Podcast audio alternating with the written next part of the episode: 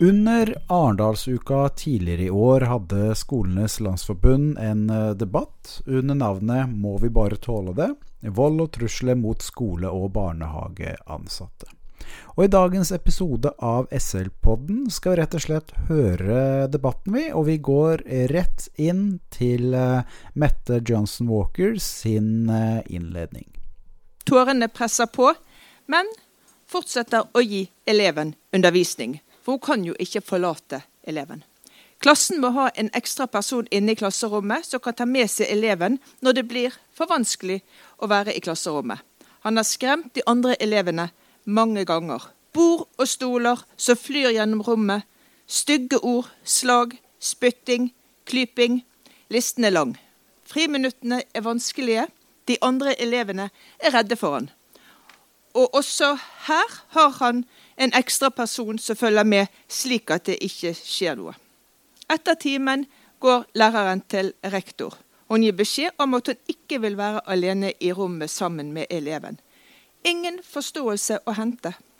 Hva kunne du ha gjort på en annen måte for å unngå å få det slaget i magen? Dette må du bare stå i. Du får ingen ekstra person inn sammen med deg. Det har vi verken økonomi eller ledig personal til å gjøre. Læreren går fra rektor enda mer frustrert og sint. Kravet til et trygt og godt arbeidsmiljø det eksisterer ikke så lenge man bare må tåle det. Denne læreren ble sykemeldt etter hendelsen. Slaget var så hardt at hun vurderte legevakt samme natt. Velkommen til vårt arrangement eh, som går på vold og trusler i eh, skole og barnehage. Vi har et spennende panel, og vi har også en forsker som skal fortelle om, om dette temaet. Og da skal jeg få introdusere vår forbudssekretær Lene Bakkedal, som skal lede oss gjennom dette arrangementet. Velkommen til alle.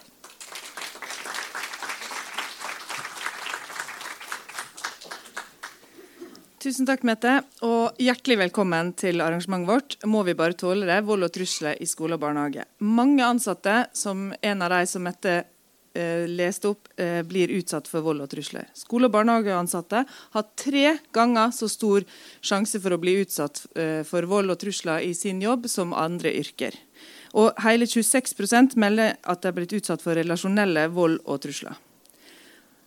Og det her gir utslag i søvnløshet, utbrenthet og redusert jobbmotivasjon. Og kulturelle forhold i arbeidsmiljøet på arbeidsplassen kan bli sett på som en risikofaktor.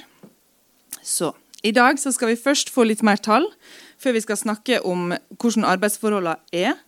Hva er arbeidsmiljøet for ansatte i skole og barnehage, og hvordan kan vi som samfunn forebygge det her? Vi starter med Eirik Degerud fra Stami, som skal gi oss noen tall. Stor applaus for Eirik. Vær så god.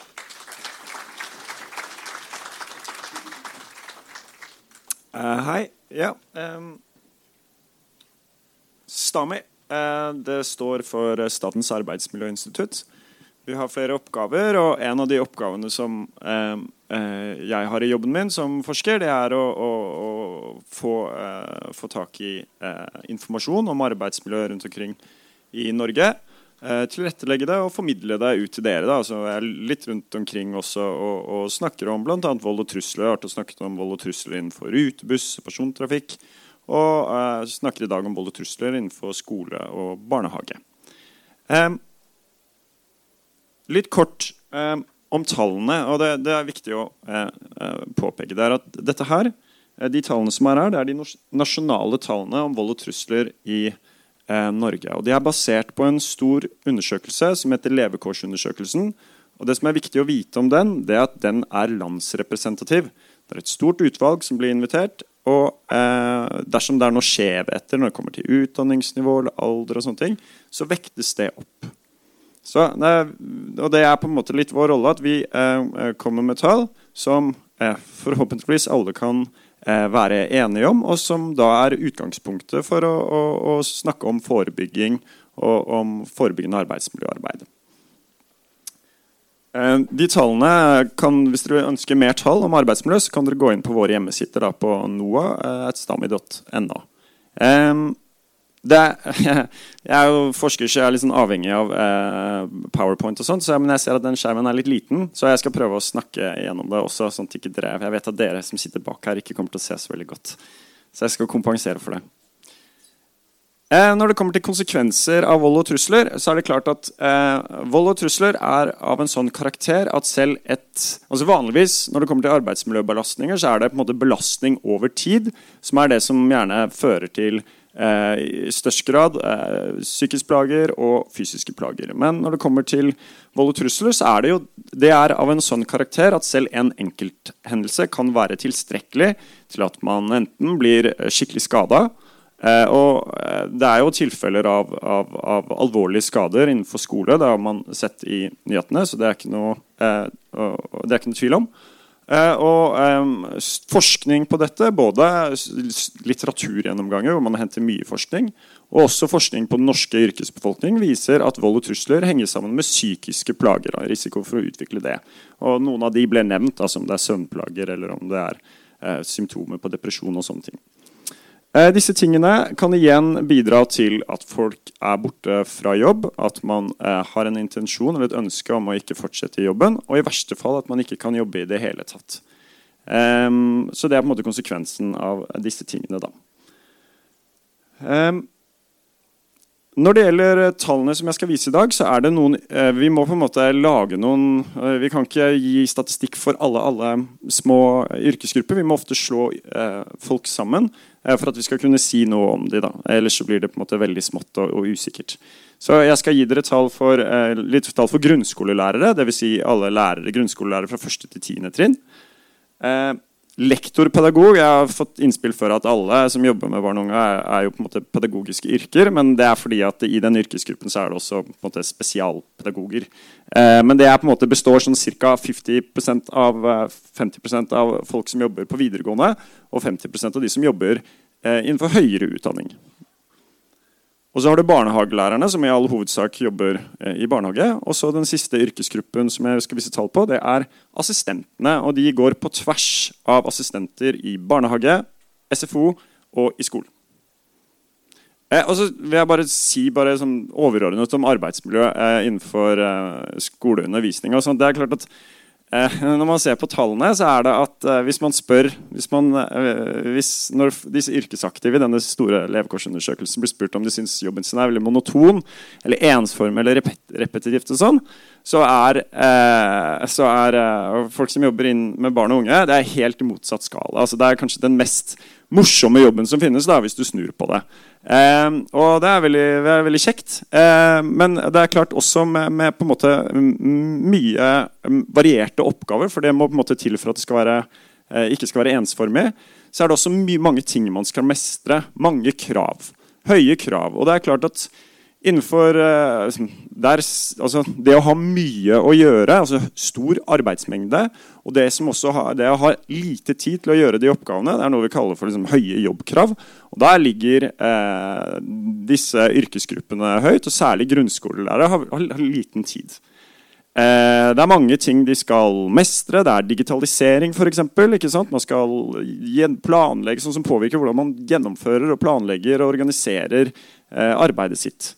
Um, og um, det å jobbe med barn og unge Barn og unge er mennesker, og de er uh, dessverre ikke like fullt utviklet kognitivt og emosjonelt som voksne uh, mennesker. Og det gjør, i likhet med andre yrkesgrupper som jobber med personer som um, Eller mennesker som har enten uh, forbigående eller kronisk redusert kognitive funksjon, at man da lett lettere altså Følelsene er mye sterkere der ute, og de tyr lettere til eh, aggressive eh, måter å, å, respondere på, sånn som slag og spark og spytting og vold, eh, andre typer vold og trusler.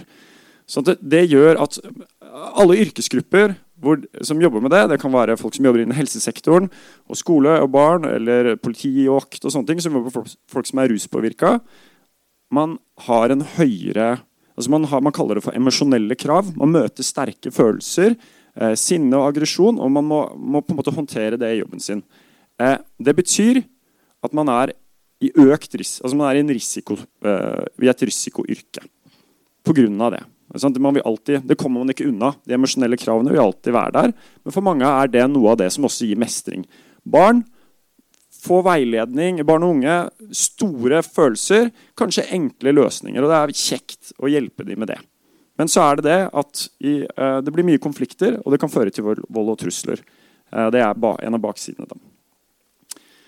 I denne levekårsundersøkelsen så blir man spurt om noen spørsmål. da, ikke sant? Uh, og Her har dere de tre spørsmålene som er hovedspørsmålet. Og det er har du, for, har du i løpet av det siste året blitt utsatt for vold på arbeidsplassen som førte til synlige merker eller kroppsskader. Og jeg satt egentlig før jeg her og skulle egentlig si at En svakhet var at vi ikke vet, vet så mye om alvorlighet av disse hendelsene. For det hører jeg liksom, man bøsser om det er mer alvorlig vold og sånn nå. Jeg kommer ikke til å gå inn på det, men det er klart at har man fått en fysisk skade på kroppen, så er det klart at det er på en måte objektivt sett litt mer alvorlig da, enn det neste spørsmålet, som er at man ikke har ført til en kroppsskade. Hvordan man opplever det, er en annen sak. men ja, Jeg kommer ikke til å gå inn på det, men det er en viss aspekt av det der.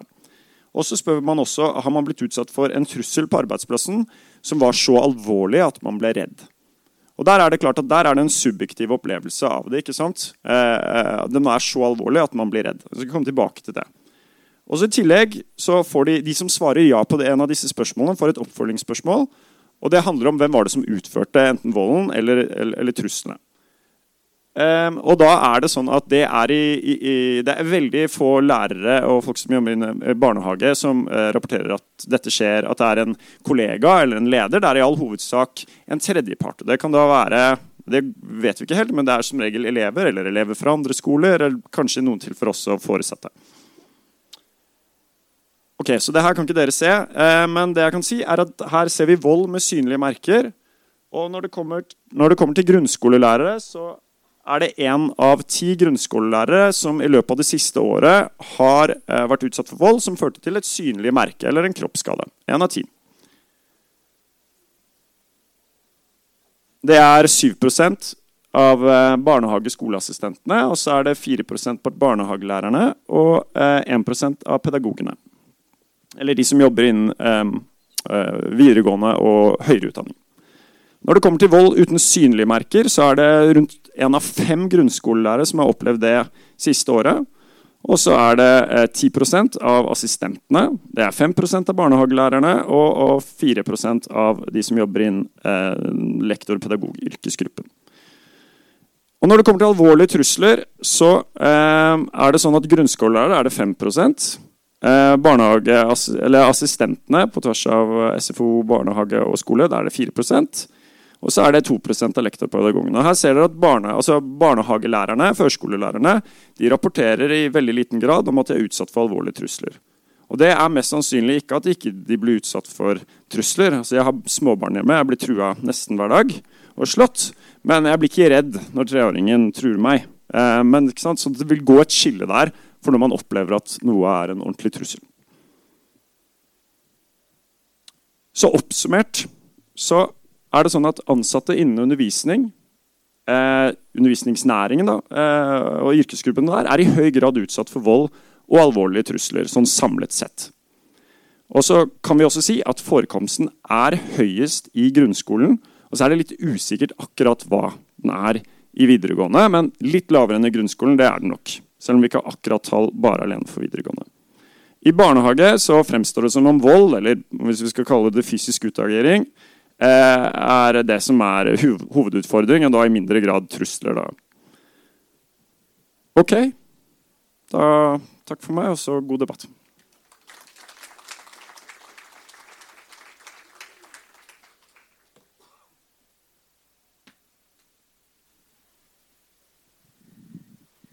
Ja, jeg har jo hørt tallene før, men jeg blir alltid veldig sånn, satt ut når jeg hører på det, Eirik. Det er, er tallene sin feil, ikke du. Tusen takk for et lærerikt uh, innlegg. Og en applaus til for Eirik Degerud.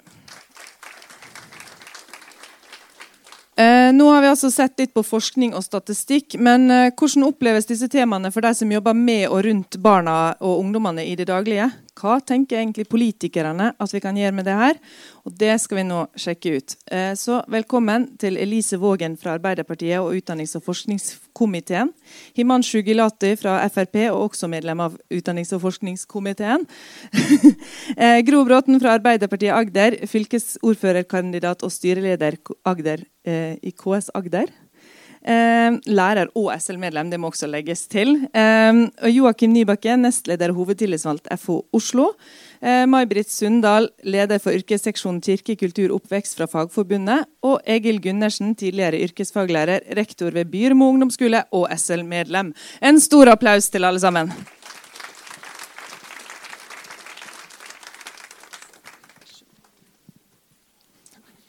Yes. Og nå ser dere at Jeg har allerede begått en veldig stor tabbe i det at jeg har håndholdt mikk mens de er mygga. Det betyr at det er vanskeligere for meg å ta fra dem mikken. Så da får vi ha en sånn der nå Vi får kutte strømmen hvis det blir for ille. Eh, for aller først så skal dere få et kort minutt eh, om hva tenker dere generelt om vold, trusler og forebygging. Og Siden du Egil, har stilt deg ytterst der, så skal du få lov til å begynne. Vær så god. Eh, hva tenker jeg generelt? Ehm, jeg hørte jo på eh, tallene han sa her nå at det var mest i eh, grunnskolen. Eh, jeg har lang erfaring i videregående skole, det siste tida nå i grunnskole, ungdomsskole. Og der jeg merker at dette, dette skjer oftere. Og så virker det som skal vi kalle det for noe, maktbalansen. Altså elevene har fått mer makt Uh, gjerne, jeg vil jo gjerne knytte dette til den uh, paragrafen i ja i forhold til at de skal ha trygt og godt arbeidsmiljø. Mil, uh, at elevene skal ha det trygt og godt på skolen og oppvekstmiljøet. Men det gjør òg at jeg ser enkelte lærere Hvis det er noen som er i tottene på hverandre elever, så later de som de ikke ser det. Og så slipper de unna med det. Det er ikke like mange som kanskje går inn og så stopper de med en gang. Det bekymrer meg litt. Og så ser jeg veldig mye utagering på elever, spesielt i ungdomsskolen. Takk. Elise, vær så god. Det er klart Historiene som vi hører, er dypt bekymringsfullt. Og dessverre så vet vi jo det at det bak statistikken at det skjer, og at det skjer overalt. Så har vi jo dessverre ikke heller statistikk som er sånn kjempegod på det heller. Oslo-skolen har henta inn litt mer, og det de sier, er bl.a. at og det er ikke nødvendigvis så veldig mange flere, men den som utøver det, dem er også gjengangere. Men det vet vi dessverre ikke nok om. Så det er jo noe av det som vi også jobber med, å få mer kunnskap om temaet. Men jeg tror vi er veldig inne på noe her når vi sier at vi er nødt til å gjøre begge deler på en gang. Vi må både ha bedre verktøy i verktøykassa når situasjonen først oppstår. Det å ha det laget rundt, både av konsekvenser, men også vite hva er det jeg har lov til som lærer. Det har vært en tilbakemelding som vi har fått at læreren er usikker på hva er, det, hva er det jeg har muligheten til, hva er det jeg er lov til som lærer. Det er bl.a. grunnen til at vi nå, når vi nå har vedtatt ny opplæringslov, så ble det ikke vedtatt nye regler på fysisk inngripen i skolen, for at det ikke var klart. Nettopp fordi at det ble hørt åpent, som det såkalt heter, ikke konkrete regler som var på høring. Nå er de reglene på høring med forslag om, som rammer inn sånn at lærerne skal kunne være trygge på at denne situasjonen kan jeg faktisk gripe inn fysisk. Så målet er jo at det skal tre i kraft samtidig som ny opplæringslov fra neste skoleår. Så er det jo også dette med forebygging. For jeg tror at eh, vold i skolen er ikke bare et skoleproblem, men det er på mange måter et samfunnsproblem som gir gjenspeil også inn i skolen. Og Derfor trenger vi at hele støtteapparatet fungerer. Både de som skal stå rundt skolen, men også de eh, tjenestene som er direkte knytta inn i skolen. Og Skal vi få dette til å funke, så trenger vi lærere som opplever at man ikke står alene i situasjonen, men at vi ikke har de situasjonene som også ble beskrevet innledningsvis. At man kommer inn på rektors kontor og opplever at man ikke får støtte for, for det man står i. Så her er det helt avgjørende at skoleledelsen, men også kommunene som skoleeiere, jobber godt og systematisk og har på plass systemene både før det skjer, men også etter at det har skjedd. Tusen takk. Himanshu, har du noe å legge til? Nei da, du skal få ditt eget minutt. Vær så god. Absolutt. Uh, jeg mener dette er en av de største utfordringene vi har i norsk skole for øyeblikket. Hvis man ser på de 20 største kommunene i Norge i fjor, så var det over 20 000 avvik som var meldt inn med vold og trusler. Det er over 100 tilfeller hver eneste skoledag i de 20 største kommunene. Um, og dette må ta tas, tas tak i. Det vi trenger, er eh, handling. Vi trenger mer økt myndighet, økt virkemidler for lærerne. Og jeg er derfor skuffet over at uh, den nye utdannings, um, opplæringsloven ikke inneholder nok om dette. Uh, og det er mange ting som kunne vært der, f.eks. involvering av foreldrene når dette skjer. Men selv om det er et eget kapittel om skole-foreldresamarbeid, så står det ingenting om involvering av foreldre hvis barna f.eks. begår um, denne type ting som vi ikke liker. Nå har nok regjeringen i etterkant kommet med en høring om en slags nødhjemmel, som jeg har kalt det. Hvordan man kan gripe inn når noe farlig skjer. Og det er vel og bra, men hva med alt det andre? Hva med forebyggingen? Hva med uh, uh, mulighetene for lærerne til å, å, ta ledelse i klasserommet, være sjef? Alt det som skjer på i forkant, men også i etterkant. Vi må også ha reaksjoner overfor de som gjør uh, ting som ikke er, er, greit. fordi hvis ikke man lærer hva som er rett og galt, så, så frykter jeg at dette vil øke i omfang. Fremskrittspartiet har lagt frem fem forslag i Stortinget. Eh, ingen av de fikk dessverre flertall, bortsett fra ett om å skaffe mer statistikk. Og Det er vel og bra, men vi trenger også tiltak, og vi kommer til å legge frem enda flere forslag om dette i høst. Tusen takk. Eh, jeg vet at vi kunne hatt en debatt mellom bare dere to, men nå skal vi la de som eh, representerer dem med skoene på, også få lov til å snakke. Tusen takk. Vær så god, Gro. Takk for det. Um, vi vil jo alle at vi skal ha et samfunn med uten mobbing og vold og trusler. Både på skolen, i arbeidshverdagen vår, på arbeidsplassen og på fritida og hjemme hos oss. Og jeg tror Det er mye av de samme mekanismene og verktøykassene som eh, ligger der for alle områdene. Eh, det å skape de gode fellesskapene og ha, ha, politikk for det er den ene delen. Og den andre delen er jo å ha konstant fokus på det. Og jeg bruker å si at det er konstant hardt arbeid. For det er aldri sånn at vi kan sette to, røde, liksom to streker under svaret og si at nå er vi ferdig med det. Det er noe som må skje hele tida. Veldig veldig viktig poeng. Joakim, vær så god. Takk. Jeg tenker to helt konkrete ting. Det ene er at eh, når barn og unge utagerer på skolen eh, og kommer med trusler og vold, så kommer ikke det av et vakuum. Det er som regel en grunn til det. Eh, det er det ene. Det andre er at helt uavhengig av hvordan arbeidsmiljø man snakker om, så skal vi ha nulltoleranse for at ansatte eh, utsettes for trusler og vold. Og så er mitt inntrykk at Når det gjelder forebygging av vold og trusler i skolen i dag, så mener jeg at man snakker veldig mye om det å håndtere situasjoner som allerede har oppstått, eh, istedenfor å snakke om reell forebygging over tid. Og jeg mener Det er altfor liten grad eh, politisk vilje til å gå i dybden på hva forebygging faktisk bør inneholde. Det blir veldig mye fokus på hvordan eh, man skal kunne avverge ting fysisk, på avviksrapportering, på eh, praktisk trening. Og alt dette er kjempeviktig. Men det å faktisk forebygge at man ikke skal få bruk for det der, eh, er det viktigste. Og Det handler i mitt hue både om å gjøre store, langsiktige grep, f.eks. å jobbe med holdningsendring både blant ansatte og elever, som er prosesser som tar lang, lang tid. Men òg helt enkle, konkrete grep i hverdagen, som kan være å sørge for at eh, alle elever blir møtt med et hei når de kommer på skolen, og føler seg sett og anerkjent når man starter dagen. Så den politiske vilja for å komme inn i den diskusjonen eh, savner jeg litt. Ja, Hei er veldig veldig viktig. Det er jeg helt enig i. Vær så god. Tusen takk, og vær så god, May-Britt. Nå skal du få det siste minuttet på denne omgangen. Takk for det. Eh, jeg syns det er kjempefint at vi løfter dette temaet opp jeg, eh, Fagforbundet organiserer eh, yrkesgruppene både i barnehage og i skole og i skolefritidsordningen. Eh, de aller fleste yrkesgruppene. Og vi får jo noen historier innimellom. Eh, grunnen til at jeg syns det er viktig at vi løfter det opp, er jo bl.a. at det kan være vanskelig å snakke om unger som utøver vold, trusler. Du opplever at det er vanskelig å håndtere. Så jeg har lyst til å si det først, for det tror jeg er kjempeviktig. Jeg tror også det er viktig at eh, lokalt, om du er i barnehagen eller i skolen, eh, at man har et godt partsarbeid.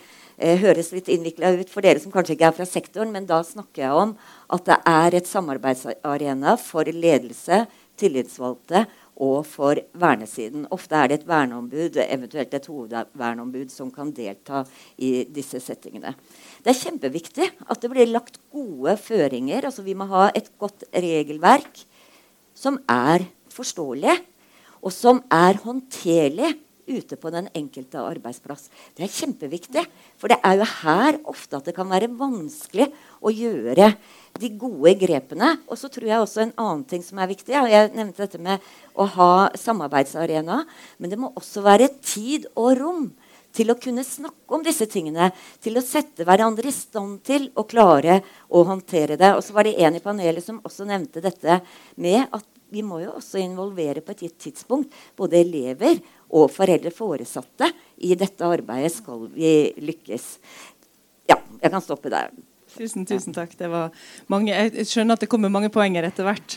Mm.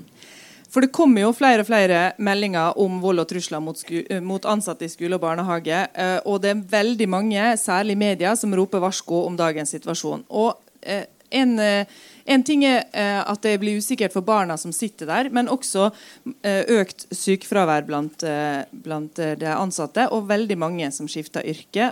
Eller eventuelt velger å ikke søke på læreryrket eller barnehagelæreryrket. Og Egil, du har vært lærer i mange år. Hvordan har situasjonen i klasserommet endra seg siden du starta? Da jeg starta, var jeg sjefen i klasserommet.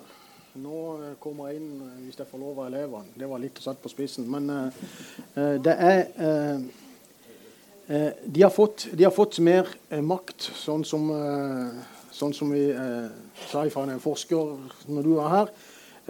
men jeg føler at det er elevene i videregående skole som bruker den makta mer. Den har kanskje ikke kommet helt ned i, i grunnskolen, ungdomsskolen, iallfall ikke den skolen jeg jobber på. Eh, men der har vi, i den kommunen jeg jobba i, eh, eller når jeg var eh, i grunnskole som rektor, så, så, hadde vi mange som ville noen ting i kommunen. Vi hadde møter, vi hadde helsesøster, familieteam, skolelos, ungdomslos, PED-team. Eh, ja, vi hadde jo barnevern òg, det var for så vidt litt med tettere skott. Men vi kunne sitte mange folk og ha møter og snakke med elevene.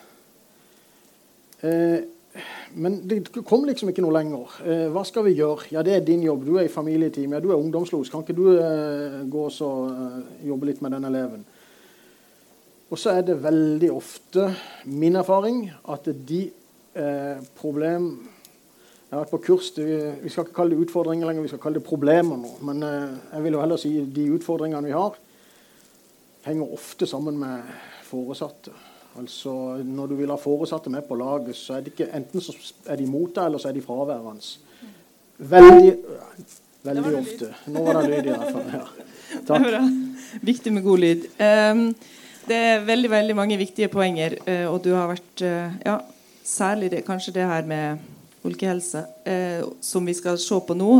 Du snakka om fellesskap i stad, Gro. Um, og Eirik sa at fellesskap var en av det som skulle forebygge et godt og trygt arbeidsmiljø. Og skoleeier må ha rutiner og fagmiljø på plass. Eh, og det er jo tydeligvis som Egil sier, veldig mange eh, fagmiljøer på plass, men, eh, men, snakker de sammen? Og hvordan kan du som skoleeier eh, gjennom KS legge til rette for det samarbeidet? Ja, Det ene er jo liksom snakker de sammen, men har de tida til å snakke sammen? For det er jo òg de endringene vi har sett disse her siste årene, hvor mye travlere det er eh, å være lærer eller barnehage, være i barnehagen. Eh, så det er det ene, at vi kan legge til rette og sørge for at det er nok ressurser til å kunne fokusere og bruke de verktøyene du har eh, innenfor arbeidsmiljø. Og så er det jo det at Én eh, ting er å ha på plass rutiner og handlingsplaner. Men hvis det bare står på eh, at alle skal inn på sin egen maskin og lese om det, så er ikke det godt nok. For det du må hele tida gjøre, det er jo å jobbe med det i kollegafellesskapet. Hva betyr det for oss på det trinnet? Mm. Eh, hvordan skal vi jobbe sammen? Mm. Og det er det vi må i hvert fall sikre. At det er kontinuerlig jobbing med hva det betyr i praksis. Hva slags ferdigheter betyr det? Disse her punktene vi har på hva slags rutiner vi skal ha. Rett og slett øve på det? Ja. ja. Mm. Eh, Himanshu, du skal få en kommentar. Skal du, Elise, få kommentar ja, og jeg syns det som ble nevnt her, var interessant. fordi Jeg har vært rundt og snakket med lærere, tillitsvalgte. Og det som ofte kommer frem, det er at lærerne er litt, eh, kan være litt redd for å ta tak i situasjoner fordi vernet for eh, elevene og det å bli anklaget for krenkelse er så sterkt. Og Der mener jeg at vi trenger en debatt. fordi selvsagt skal elevene ha rettigheter, vernet mot krenkelse og, og, og andre ting. Men det kan virke som at den balansegangen har tippet litt over, hvor eh, det står i veien for at man tar tak i og setter foten ned for uakseptable hendelser. Og det, det, Der er de som jobber i skolen, bedre enn meg til å eh, kommentere. Men det er i hvert fall de tilbakemeldingene eh, vi får. Og så Det andre jeg vil nevne, er at det er jo også lyspunkter der ute. Selv om eh, trenden er negativ og dette er et økende problem, så er det også prosjekter som fungerer. F.eks. sosialagentprosjektet i Oslo som gleden av å besøke, som har fått ned antallet hendelser alvorlig, og hvor de går inn i elevenes hverdag og prøver å ta tak i kanskje de utfordringene man har hjemme, og de litt mer underliggende årsakene til at man er frustrert og agerer som man gjør. Så vi har noe å lære av best, practice også. Eh, og så tror jeg vi trenger en ordentlig debatt på om de endringene som er gjort noen år siden, med riktig intensjon om å styrke elevenes rettigheter, kanskje hindrer at man klarer å ta tak i dette på en effektiv måte. Mm. Og disse prosjektgruppene da har tydeligvis fått tid, sannsynligvis, som gjør at ting funker fordi de har tid til å snakke sammen. Eh, og Elise, Du har jo snakka om tidlig innsats eh, også, og det at det blir gitt tid. Du skal få en kommentar nå. og Så lurer jeg også på om er den nye opplæringslova rigga til å forebygge vold og trusler? Altså det som blir beskrevet med at lærerne er usikre i klasserommet og når man kan gripe inn, det, det håper jeg jo virkelig at Nå har vi sendt på høring nye forslag til regler, eh, og så er vi veldig interessert i å få innspill på det. Og får, ligger vi an i rute nå ved at vi får de innspillene vi trenger til det, så kommer det til å bli vedtatt. sånn at det kommer av krafttredelse med ny opplæringslov. Og så skulle jeg gjerne ønske at det ble lagt fram samtidig som opplæringsloven. Men så var det jo sånn at forrige regjering ikke sendte på høring konkrete forslag på det, som gjorde at vi nå måtte ta oss litt lengre tid. Og så er det jo sånn at sånn det beskrevet her at ja, det svarer jo kanskje i den konkrete situasjonen, men det grunnleggende spørsmålet er jo hvorfor oppstår volden? Hva er det som gjør at man kommer i den situasjonen? Så selv om vi nå har nye forslag til regler på høring, så er det på ingen måte medisin. Det beskriver jo situasjonen der og da. Men noe av det som også ligger der, da, som jeg håper og tror kan være med på å strukturere en del arbeid der ute i kommunene og ute blant rektorene, er jo også krav til at man må jobbe mer systematisk for at de situasjonene skal unngå. Altså Én ting er jo å feste det i lov, en annen ting er at det faktisk skjer der ute. Og Derfor er jeg veldig opptatt av at man har tid og ressurser i hele laget rundt eleven til å kunne jobbe forebyggende mot det.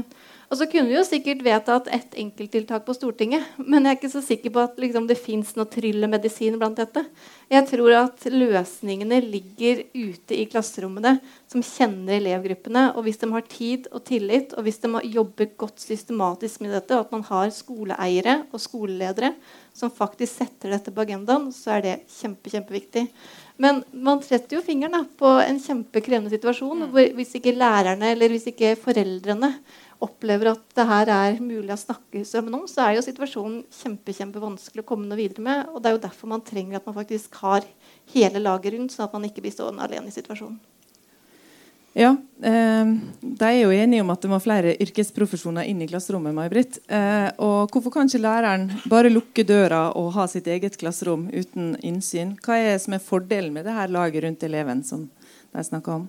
Jeg tror det er mange grunner til at man uh, må styrke og se hele laget rundt eleven. Det er klart, uh, læreren har, Jeg går ut fra at vi er i klasserommet.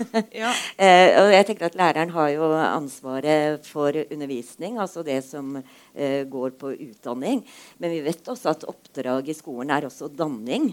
Sånn at det er kjempeviktig at vi er flere yrkesgrupper inn mm. for å gjøre denne jobben på en god måte. og det, det, vi hører veldig ofte, det er at uh, våre medlemmer Vi har mange fagarbeidere, vi har mange assistenter, miljøterapeuter osv. Det er at de ønsker å gjøre en kjempegod jobb. Og de opplever at de gjør det.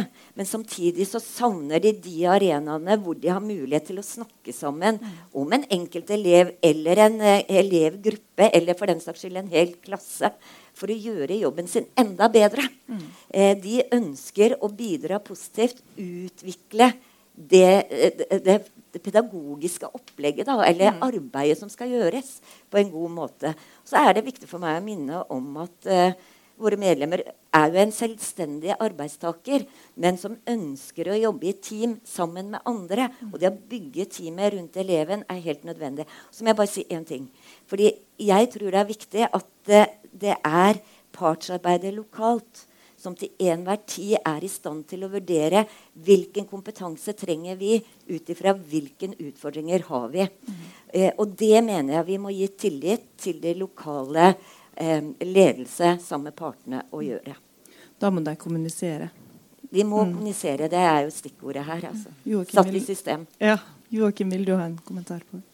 Jeg hadde lyst til å ha en liten kommentar til det med, med lovforslaget som er ute på høring i forhold til uh, det med eh, bruk av eh, tvangsmidler. Skal jeg si. fordi jeg tror man skal ha full respekt for at lærere trenger å vite hvilke rammer man skal ha for å kunne gripe inn fysisk overfor elever. Kjempeviktig å ha en trygghet i hva, hvor går grensene. Men så tenker jeg at man skal også være bevisst på at ethvert sånt lovverk krever enormt mye jobb for å unngå at man kommer dit, med forebygging og med det ene og andre. sånn at her, her er det en stor trøkk på alt som må gjøres på forhånd.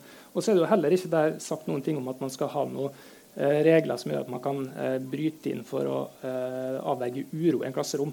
Det er når det er snakk om skade og fysisk og sånn. Og der, det å jobbe med uroen i klasserommet, det krever uansett en helt annen eh, retning enn på en måte bare å regulere det. Da.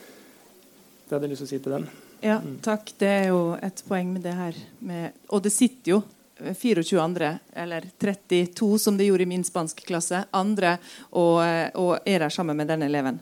Eh, men jeg syns dere snakker veldig om at det, ting må skje på den enkelte skole. ting må, altså Det må på en måte eh, settes i system der. Eh, og Statsråd Tonje, Tonje Brenna sa også det da det ble debattert i, Stortinget, at det er møte mellom den enkelte lærer eh, eller andre ansatte og den enkelte elev på den enkelte skole man skal vurdere hvilke tiltak som best skal settes inn. Og da lurer jeg på, eh, og det her går til både de som er politikere og jobber, og de som er skoleeier og leder. Er det rett og slett eh, en måte der politikerne ansvars, har en ansvarsfraskrivelse? At det er så lett å si at det her må løses på den enkelte skole. Og som du sier, Lise, at det må de bare finne tid til. Det er ganske mange andre krav og ting vi må bare finne tid til. For så hadde vi vel en koronamist oppi Kunnskapsløftet. For så, ja. Var det en om gangen? Skal vi se. Jeg tror Egil var først så Gro så i marsj. Altså, eh, Det skal løses på den enkelte skole. En helt vanlig situasjon. Du har en eh, tiendeklasseelev som er høyere enn meg, og kanskje ikke større, men iallfall høyere enn meg. Eh, kommer inn. Du skal levere fra deg mobiltelefonene når du kommer inn i klasserommet. Nei, han leverer ikke fra seg mobiltelefonen. Gi meg telefonen. Nei, det kan du bare drite i, de, og så kommer det en sabla lekse med noen ukvemsord som kanskje ikke egner seg å ta her inne. Bare prøv å ta den ifra meg. Du har ikke lov å røre meg. Hva skal du gjøre for noe? Egentlig så har jeg lyst til å bare gå inn og ta telefonen og så knuse den med hammeren, men jeg vet at det hadde vært det siste jeg hadde gjort på den jobben der.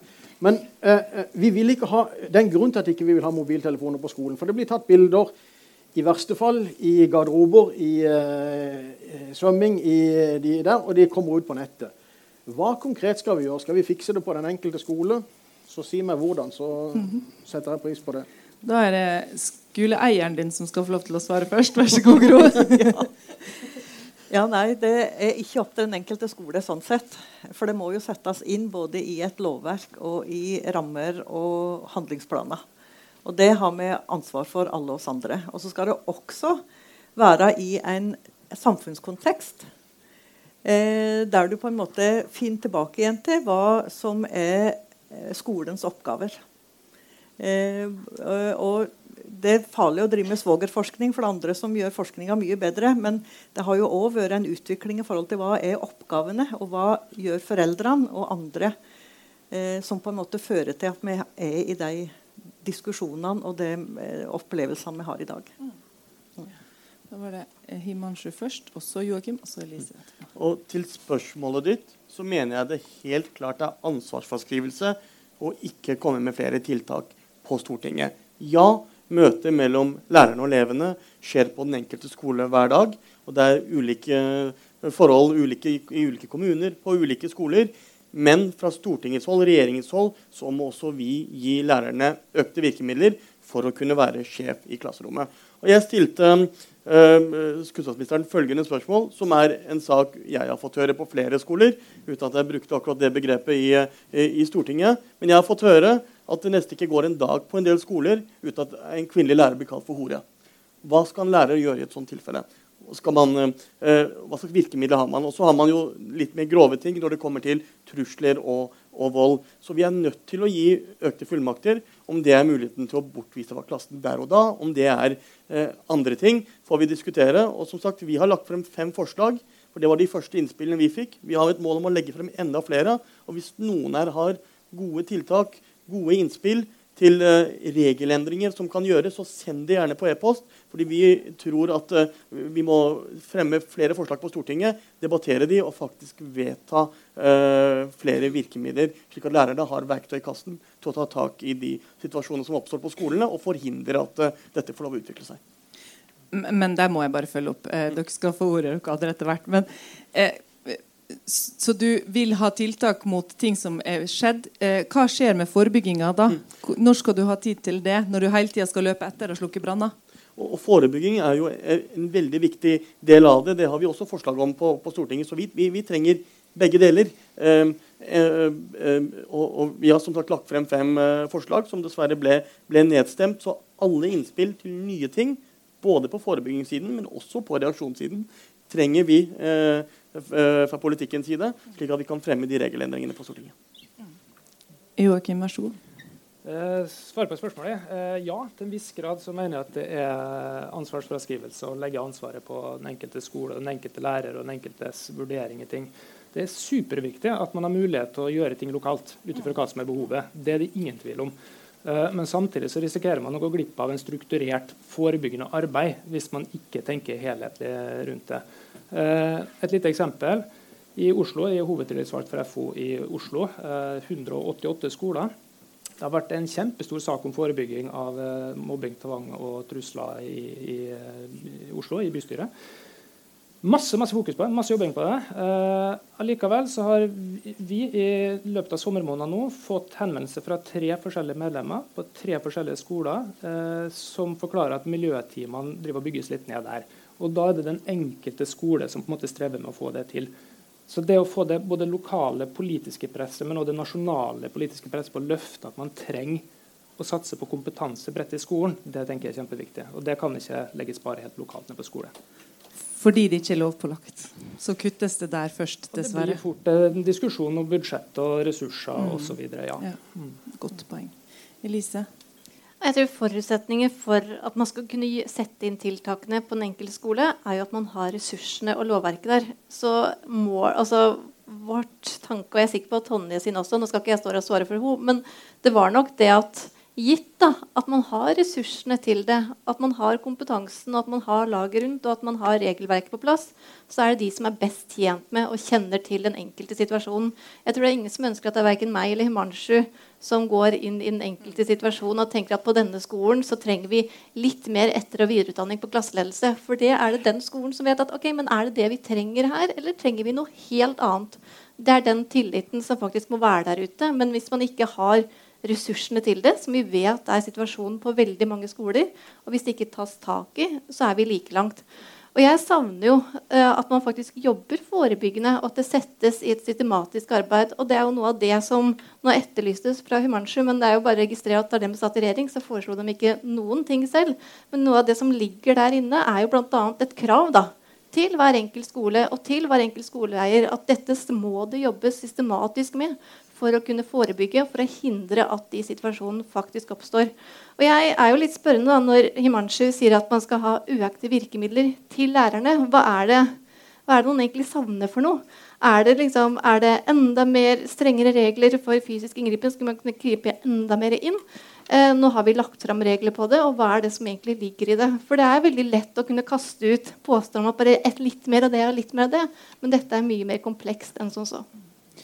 Og jeg vet i hvert fall at jeg blir kvalm hvis man snakker veldig masse om klasseledelse. fordi at eh, om det er noe landets lærere er dyktige på der ute, så er det klasseledelse. Det er ikke det det går på. Det er samme med fagarbeideren som får, må stå i det, som har en god relasjon til, sitt, med, eh, til sin elev. Vær så god, May-Britt. Ja, jeg, jeg, bare tenkte på én ting. Vi snakker litt om tiltak. Hva kan gjøres? Jeg, jeg har jo jobba i sektoren sjøl i mange år. og vært tillitsvalgt i mange år også ute på arbeidsplassen. Og det kan også være sånn at man føler seg veldig alene på en skole eh, når man har store utfordringer i forhold til disse utfordringene.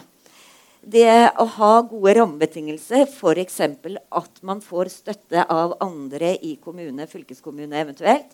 At man har en, et, jeg det en sånn enhet hvor man faktisk eh, har et godt fokus på disse utfordringene for å gi den enkelte skole, eh, SFO eller barnehage støtte i disse vanskelige sakene, det tror jeg er ganske viktig. Mm. Men igjen, vi, det er disse penga, da. Mm. Og det er den tida og det, mm. de tingene der. Men jeg tror det hadde vært viktig. For jeg forstår at ledelse noen gang kan oppleve dette som veldig krevende. Mm. Den skal gjøre denne oppgaven i tillegg til en eller med andre oppgaver. Tillitsvalgte ønsker å bidra, ansatte ønsker å bidra. Men da må vi gjøre det på en god måte. Jeg må dessverre avslutte debatten. Jeg håper at debatten har tenkt å fortsette langt uh, ut på forskjellige steder her i Arendal. Uh, men jeg tror vi kan oppsummere med at vi trenger tid.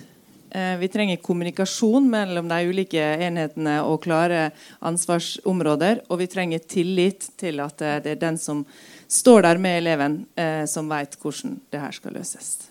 Tusen takk til det her fantastisk vakre panelet.